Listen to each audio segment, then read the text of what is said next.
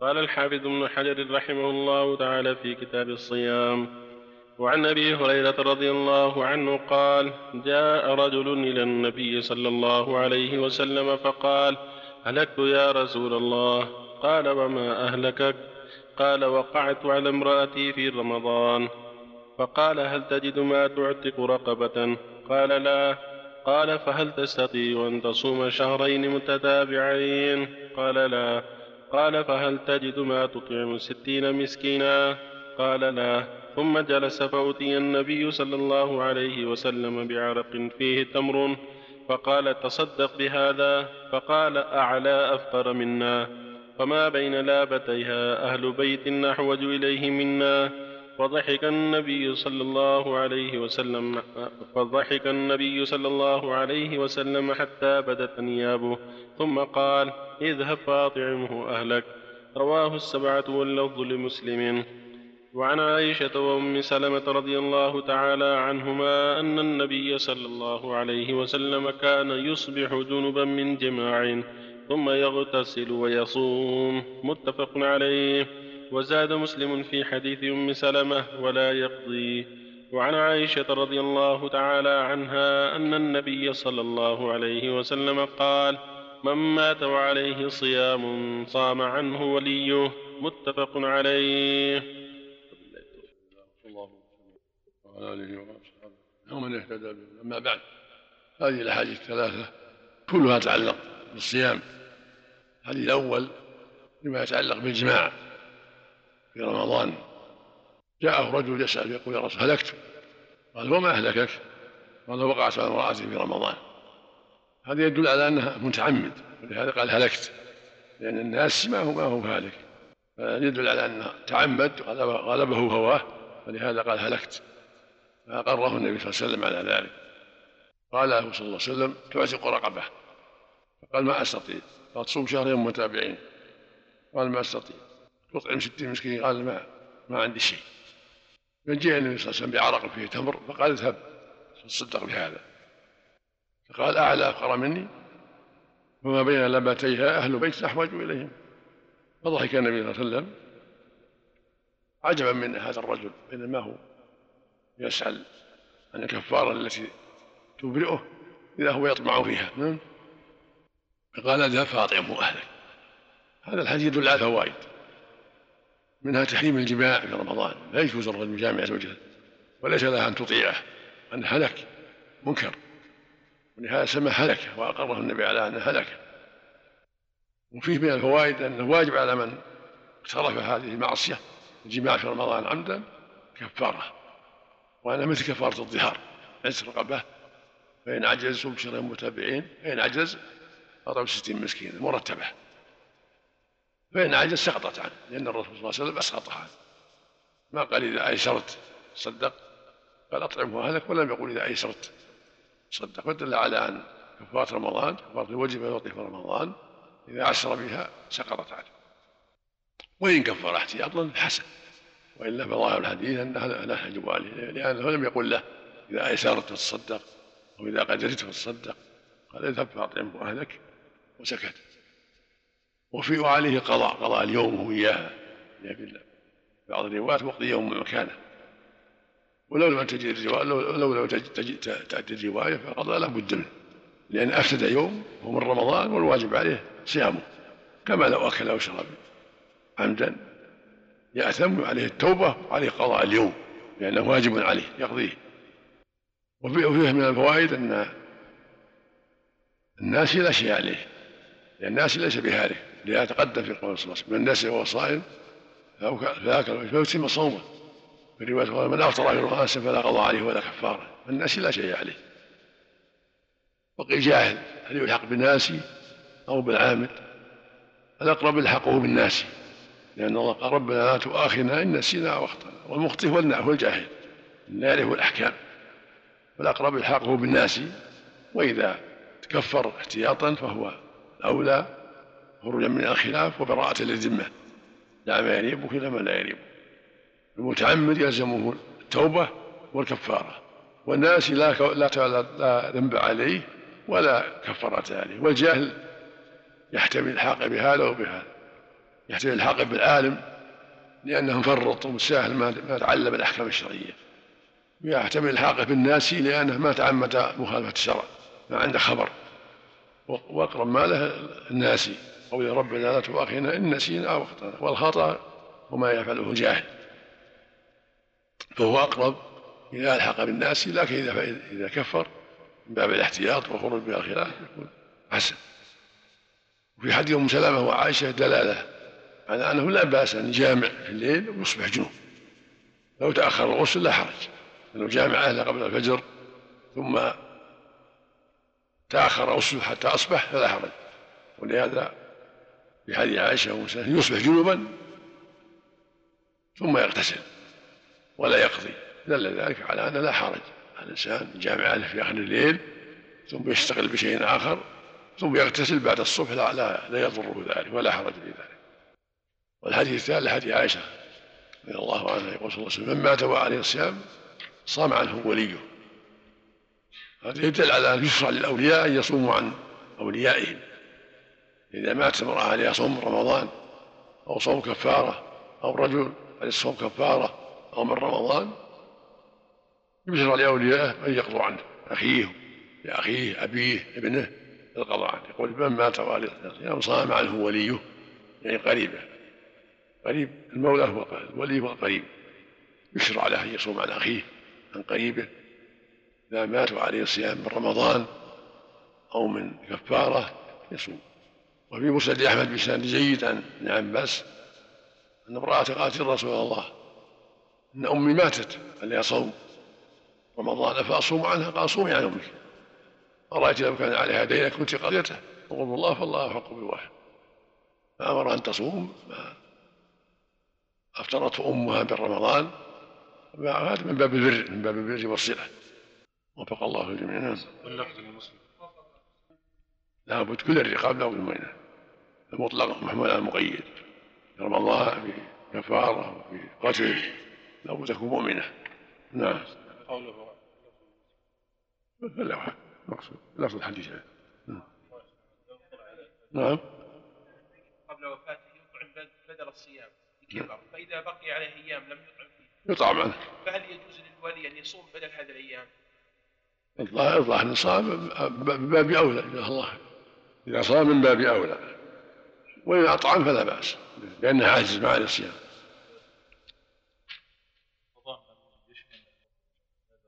نعم يشمل كل شيء.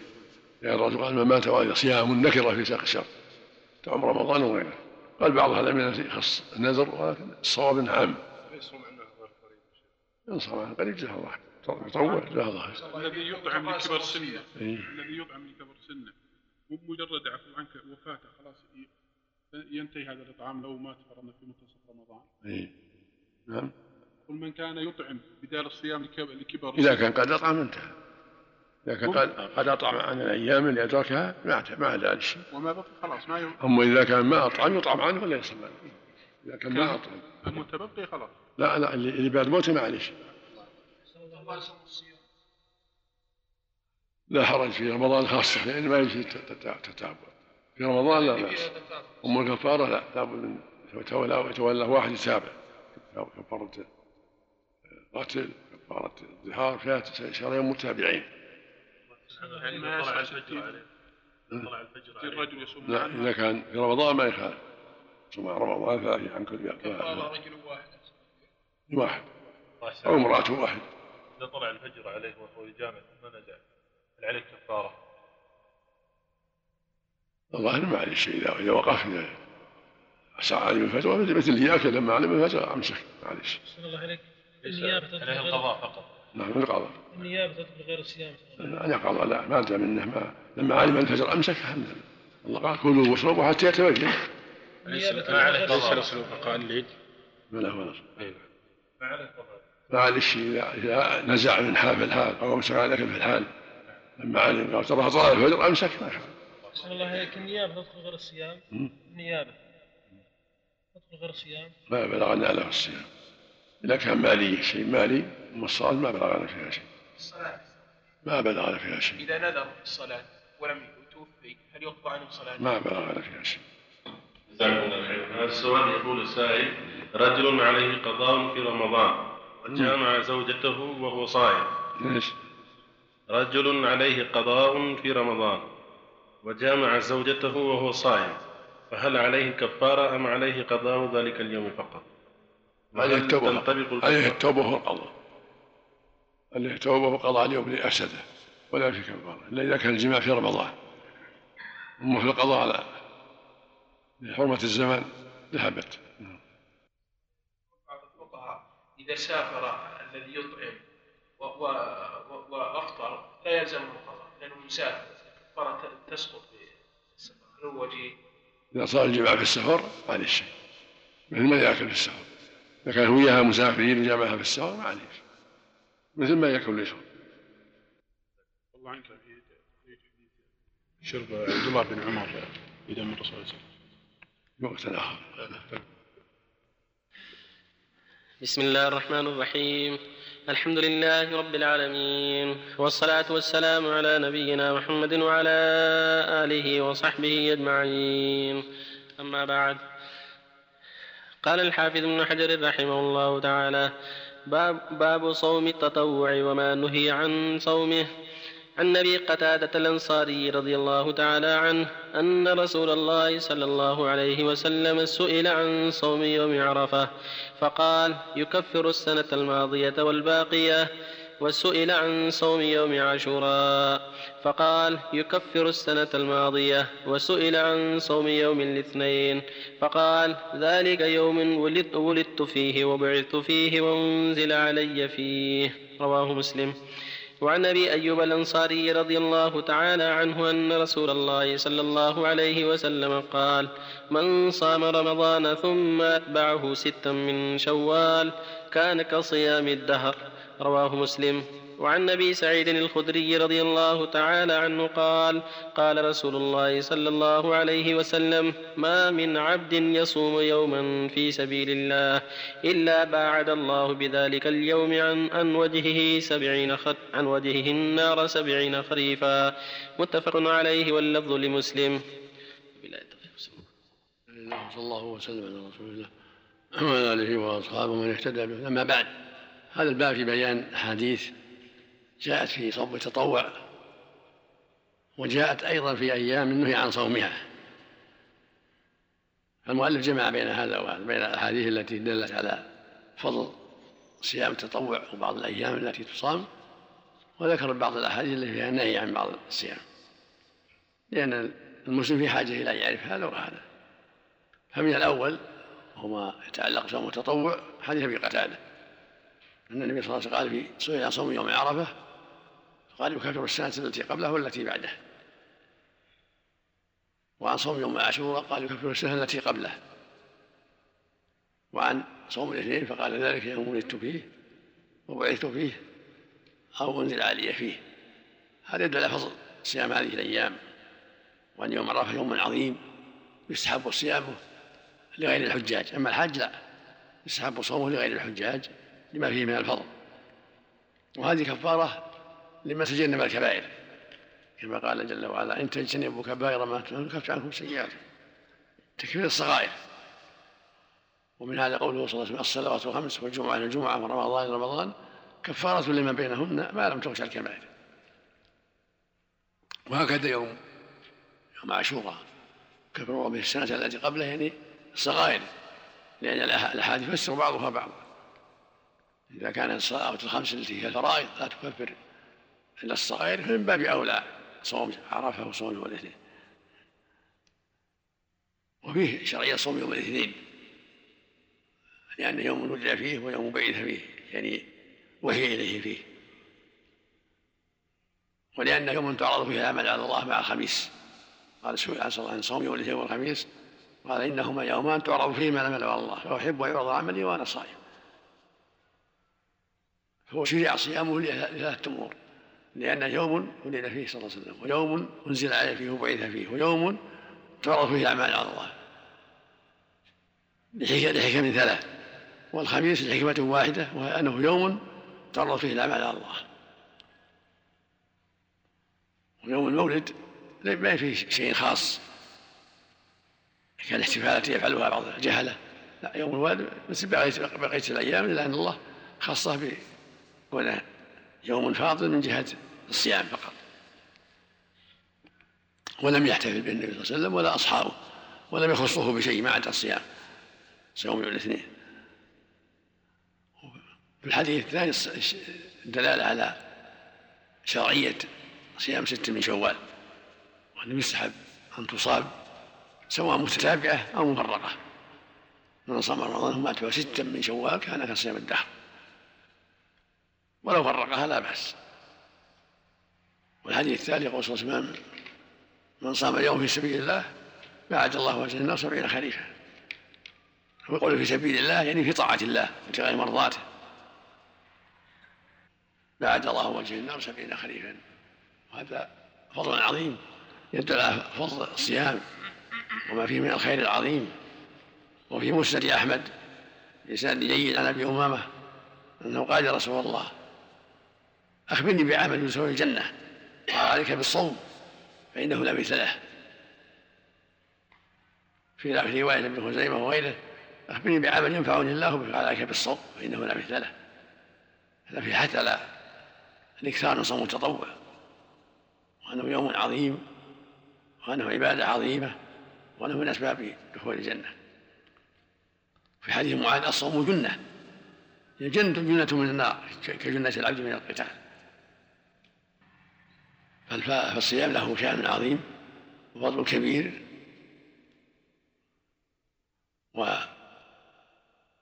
والمؤمن يتحفظ فيه وإلا ما ما ينفع لابد أن يتحفظ.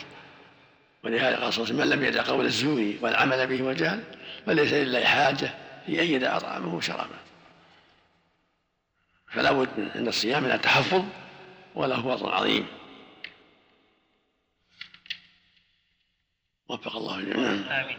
يورد يورد على حديث أبي سعيد الخدري إشكال وهو أن الصوم السفر مفقود في سبيل الله في طاعة الله مو في السفر في سبيل الله مو في الجهاد. الجهاد الأفضل فيه الفطر. الجهاد الأفضل فيه الفطر لأن أقوى في قاتل العدو. المراد في سبيل الله في طاعة الله. يستثنى من ذلك الأوقات اللي ما يناسب فيها الصوم. كالجهاد وشدة الصيف في السفر لا يصام فيحمل محمول على الصوم الذي لا يوافق لا يخالف الشرع صوم يوافق الشرع.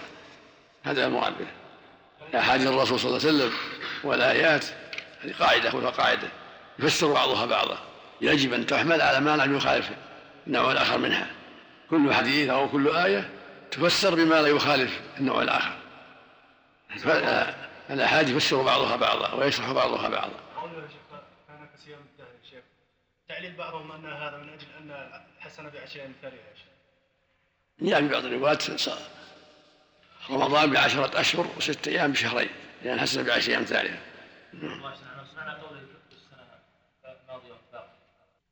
هي من أسباب التكفير يعني من أسباب تكفير السيئات الصغائر.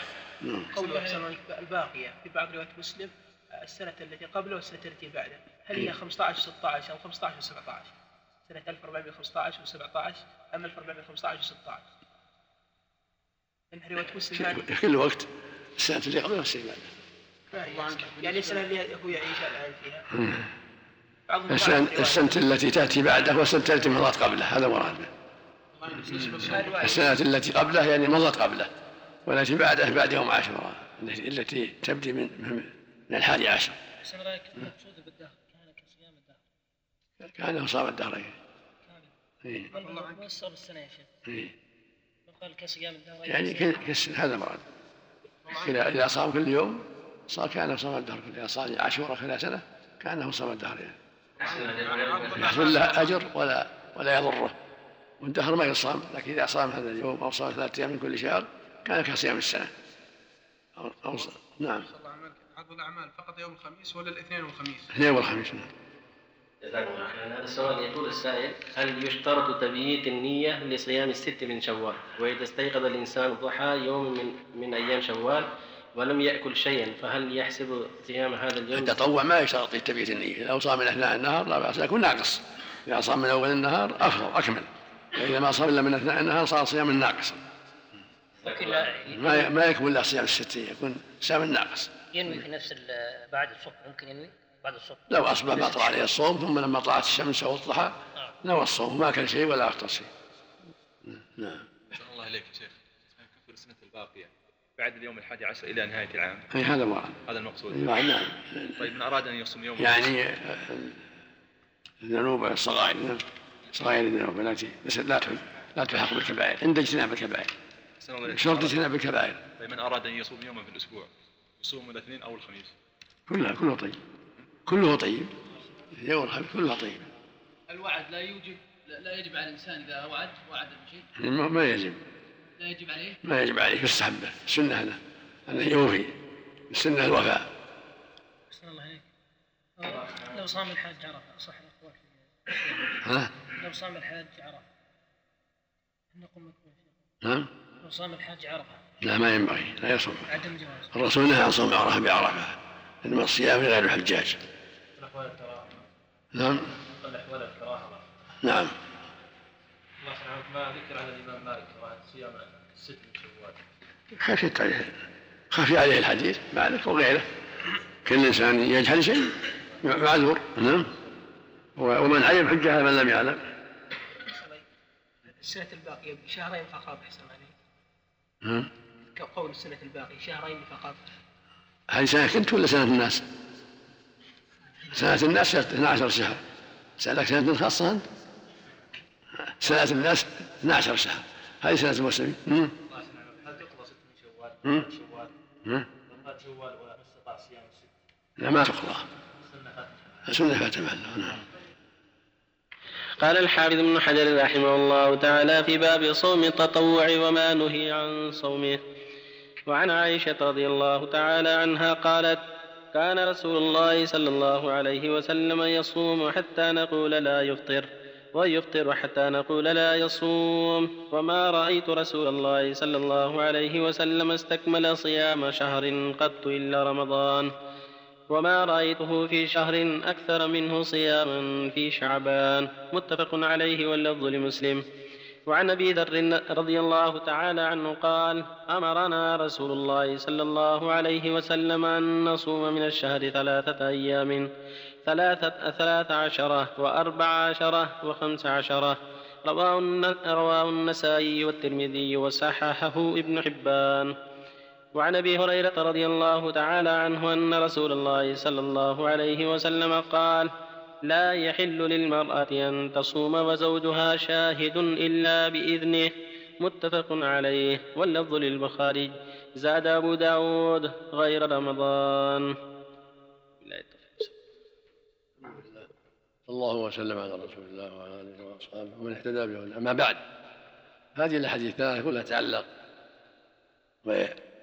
بصوم تطوع تقول عائشه رضي الله عنها أنها ما رات النبي يصوم صياما أكثر من الشهور بعد رمضان إلا في شعبان. وتقول انه يسرد الصوم حتى نقول لا يفطر. يعني تطوعا. ويسرد الفطر حتى نقول لا يصوم. وهذا المعنى جاء من حديث ابن عباس رضي الله عنه. إنه كان صلى الله عليه وسلم يسد الصوم حتى يقال لا لا, يفطر. ويسد الفطر حتى يقال لا يصوم. وهذا يدل على أنه صلى الله عليه وسلم يتحرى الفرص التي فيها تمكنه من الصوم. لأنه عليه الصلاة والسلام هو قائم بأعمال الناس بأعمال الدولة مع مع قيامه بإبلاغ الرسالة عليه الصلاة والسلام. هو قائم بأعمال الرسالة وبأعمال الدولة وتصريف أمور المسلمين. فإذا جاءت الفرصة المناسبة سرد الصوم لقلة لقلة الأعمال التي تشغله عن الصوم. وإذا جاءت المشاغل الكثيرة المتوالية سرد الفطر ليتقوى بذلك على مهمات المسلمين وحاجاتهم. وهذا هو الأفضل للرجل والمرأة أن يتحرى الأوقات المناسبة للصوم فيسرده والأوقات المناسبة للفطر فيفطر. وإذا تيسر لأحد يصوم يوم ويفطر يوم أو يصوم أيام الثلاث من الشهر الرابع الثالث عشر والرابع عشر وهذا كله سنة. ولهذا قال صلى الله عليه وسلم في حديث عبد الله بن عمرو صم يوما وأفطر يوما. لما طلب منه يصوم الدهر قال لا صم يوما وأفطر يوما. فذلك فذلك صيام الدهر. قال لا ولما قال أريد أفضل من ذلك قال لا أفضل من ذلك. هذا صوم داود وهو صيام الدهر. يوم يصوم يوم ويفطر يوم. فإن اكتفى بثلاثة أيام من كل شهر كفى. قال أوصى النبي صلى الله عليه وسلم أبا هريرة وأبا الدرداء بصيام ثلاثة أيام من كل شهر. وهي تكفي. الحسنة بعشر أمثالها وكذلك كان يصوم الاثنين والخميس إذا تيسر له ذلك. عليه الصلاة والسلام وأخبر أن أن صيامهما فيه فضل عظيم وأن وأنهما تعرض فيهما الأعمال على الله فكان يحب أن يعرض عمله وهو صائم عليه الصلاة والسلام. وفي حديث عائشة دلالة على فضل فضل صيام شعبان وأنه يستحب صيام شعبان إلا قليلا إذا أفطر من يوم ويومين لا بأس وإن صامه كله فلا بأس. لأن في الرواية الأخرى عنها أنه كان يصله في يصله برمضان بعض الأحيان. وفي حديث ام سلمة عند النسائي بإسناد صحيح أنه كان يصله برمضان يصوم شعبان كله عليه الصلاة والسلام. هذا يدل على أنه إن صامه كله فلا بأس وإن أفطر بعض الأيام من آخره فلا بأس. كله فعله النبي صلى الله عليه وسلم. جاء في بعض الروايات لما سئل لماذا؟ قال لأنه شهر يغفل الناس عنه. في بعض الروايات صامه تعظيما لرمضان. يعني تمهيدا لصوم رمضان وتعظيما له.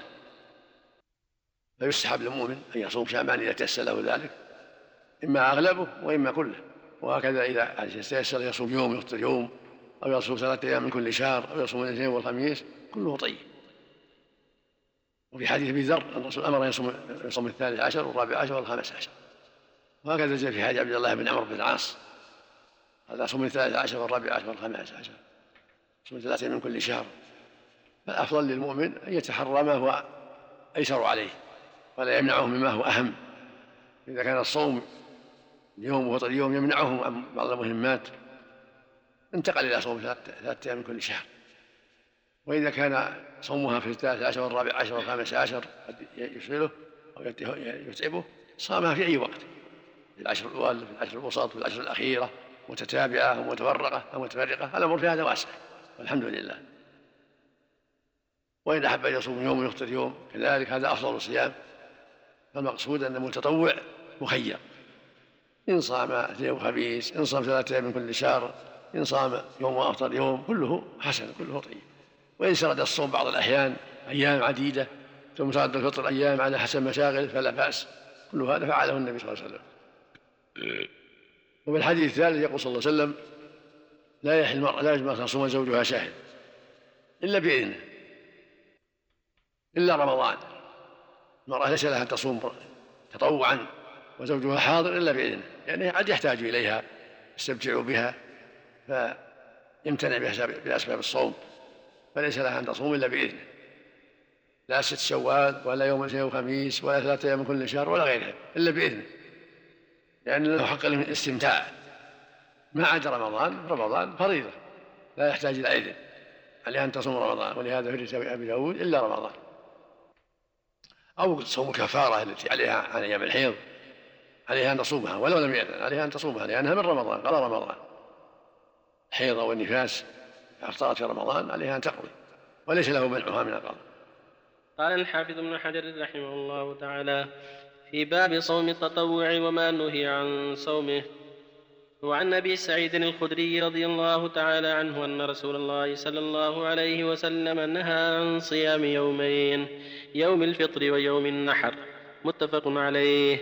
وعن, وعن نبيشة الهذلي رضي الله تعالى عنه قال قال رسول الله صلى الله عليه وسلم أيام التشريق أيام أكل وشرب وذكر الله عز وجل. رواه مسلم. وعن عائشة وابن, وابن عمر رضي الله عنهم قالا لم يرخص في أيام التشريق. وعن عائشة وابن عمر رضي الله عنهم قالا لم يرخص في أيام التشريق أن يصن إلا لمن لم يجد الهدي. رواه البخاري. وعن أبي هريرة رضي الله تعالى عنه عن النبي صلى الله عليه وسلم قال لا تخصوا ليلة الجمعة بقيام من بين الليالي ولا تخصوا يوم الجمعة بصيام من بين الأيام إلا أن يكون في صوم يصومه أحدكم رواه مسلم. وعنه أيضا رضي الله عنه قال قال رسول الله صلى الله عليه وسلم لا يصومن أحدكم يوم الجمعة إلا أن يصوم يوما قبله أو يوما بعده متفق عليه. الله وسلم على رسول الله وعلى آله وأصحابه من اهتدى به. أما بعد هذه الأحاديث خمسة تتعلق بالصوم المنهي عنه. تقدمت الأحاديث في صوم المأمور والذي يشرع التطوع به وهذا في الشق الثاني لأن الباب باب صوم التطوع وما نهي عن صومه. هذا يتعلق بالشق الثاني وما نهي عن صومه. حديث أبي سعيد يقول صلى الله عليه وسلم يقول رضي الله عنه نهى عن صوم يوم عيد عيد النحر والفطر. هذان يومان لا يصومان باجماع المسلمين. وهكذا ثبت عن عمر في الصحيحين. أنه قال أنه قال إن النبي إن النبي عليه والسلام قال إن هذان يومان حرم الله صيامهما. يوم فطركم من صيامكم واليوم الآخر الذي تأكل فيه بالنشوش وهما لا يجوز صيامهما عند جميع أهل العلم. وهكذا أيام التشريق. الحادي عشر الثاني عشر والثالث عشر يقال لها يوم التشريق ويقال لها أيام النحر. لا تصام أيضا الرسول نهى عن صومها. أيام أكل وشرب وذكر كما في حديث نبيشة. وهكذا جاء في الصحيح من حديث كعب بن مالك أن مسلم انها أيام أكل وشرب. وهكذا جاء النهي عنها في عدة أحاديث النهي عن صومها. إلا في حالة واحدة وهي ما إذا عجز المتمتع والقارن عن الهدي فإنه يصومها. كما في حديث عمر وعائشة رضي الله عنهما قال لا يرخص في أيام التشريع أن يصمنا إلا لمن لم يجد الهدي. هذا معناه الرفع هذا الحكم مرفوع إلى النبي صلى الله عليه وسلم. فدل ذلك على أن يجوز للمتمتع والقارن أن يصوم أيام التشريق. إذا لم يصومها إذا إذا إذا لم يصوم ثلاثة قبل عرفة يصومها أيام التشريق. وسبعة إذا رجع إلى أهله. الحديث الرابع والخامس النهي عن صوم يوم الجمعة والنهي عن تخصيصها بصوم وليلة بقيام لا يجوز أن تخص الجمعة بصيام ولا يخص ليلها بقيام. والحكمة في ذلك والله أعلم أنه يوم عظيم وفاضل في ساعة لا يرد فيها سائل. فهي حرية بأن يصومها الناس ويخصوها بقيام. فنهى النبي عن صيام تخصيصها بالصيام وعن تخصيصها بقيام رحمة بالأمة وإحسان إليهم. فلا يجوز لأحد يخص الجمعة بيوم بصيام ولا يخص ليلها بقيام إلا أن تكون في صوم يصومه الإنسان تبع تبع غيرها. كان يصوم الخميس أو السبت معه فلا بأس. ولهذا قال صلى الله عليه وسلم لا يصوم الجمعة إلا أن تصوم يوما قبلها ويوما بعده وهكذا نهى عن صومها مفردا وتغسل ليلها بقيامه.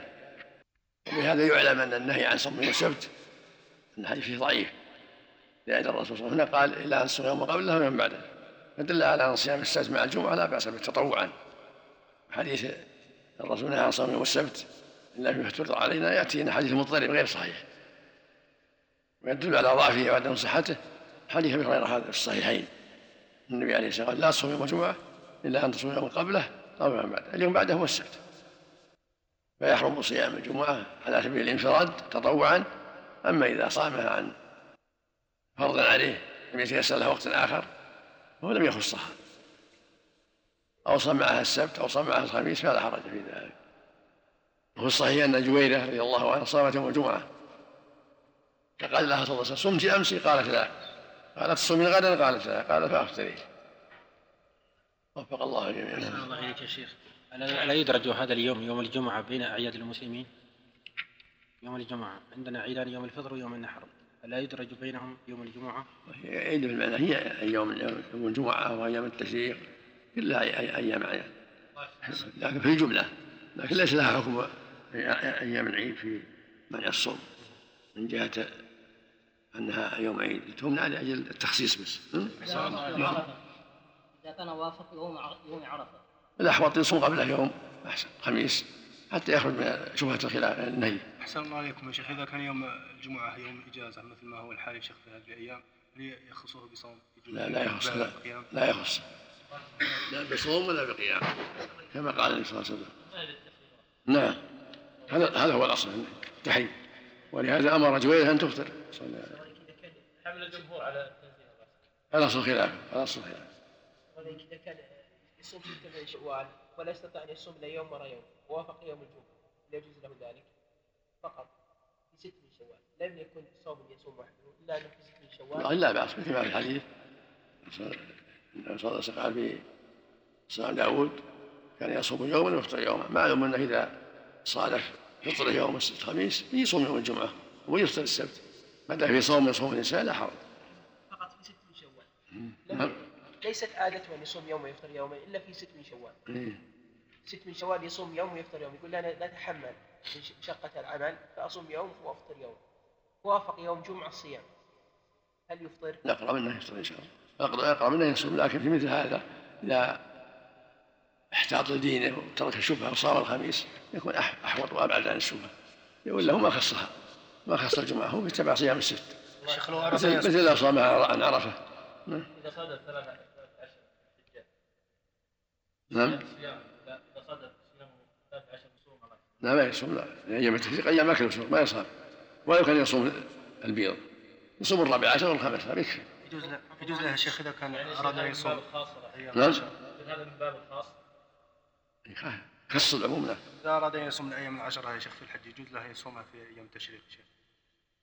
ما هي؟ الأيام العشرة يا شيخ التي عن الهدي يا شيخ.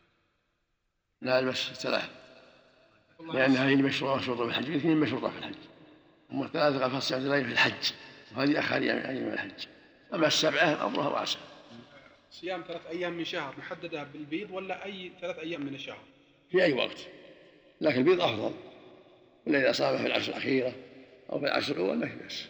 الحديث محددها بالثلاث عشر هذه ثلاث بيض. لكن الرسول صلى الله عليه وسلم حدد ثلاثة من كل شهر في أي وقت. الحمد لله. أي وقت يصوم الثلاثة أيام يحصل المطلوب؟ يقول لكن إذا صادف البيض فهو أفضل. جزاكم الله خيرا يقول السائل هل صح الحديث في في الحث على صوم أيام البيض؟ فإن صح فما الحكمة إيش في هل صح الحديث في في الحث على صوم أيام البيض؟ فإن صح فما الحكمة في أن النبي صلى الله عليه وسلم لم يصمها؟ نعم. يقول صحة يسأل عن صحة حديث آه، الذي وردت في الحث على صوم أيام البيض. ويقول إذا صح الحديث فما الحكمة أن النبي صلى الله عليه وسلم لم يصمها ما الحكمة في فما الحكمة في أن النبي صلى الله عليه وسلم لم يصمها كان يصومها بعض الأحيان إذا كان يصومها بعض الأحيان. وقد يكون يترك بعض المشاغل عليه الصلاة والسلام مثل ما تقدم يسرد الصوم حتى يقال لا يفطر ويسرد الفطر حتى يقال لا يصوم على حسب فراغه ومشاغله عليه الصلاة والسلام. صام الأيام البيض يعني؟ نعم. أيام البيض باسم هذا له من لها صغر إذا ليلها أبيض ونهارها أبيض. ليلها أبيض بالقمر ونهارها أبيض بالنهار. جزاكم الله خير. نعم.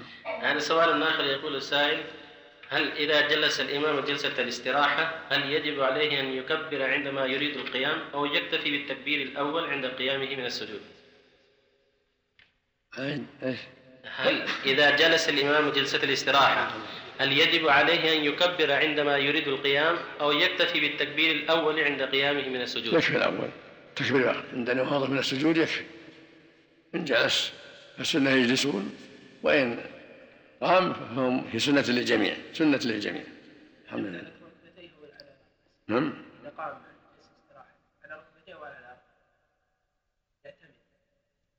على حسب حاله السنة على ركبتيه. لكن إذا كان عاجز يعتمد على يديه. الحمد لله. إذا احتاج إذا احتاج إلى ذلك فالسنة على على ركبتيه. نعم. جزاكم الله خيرا.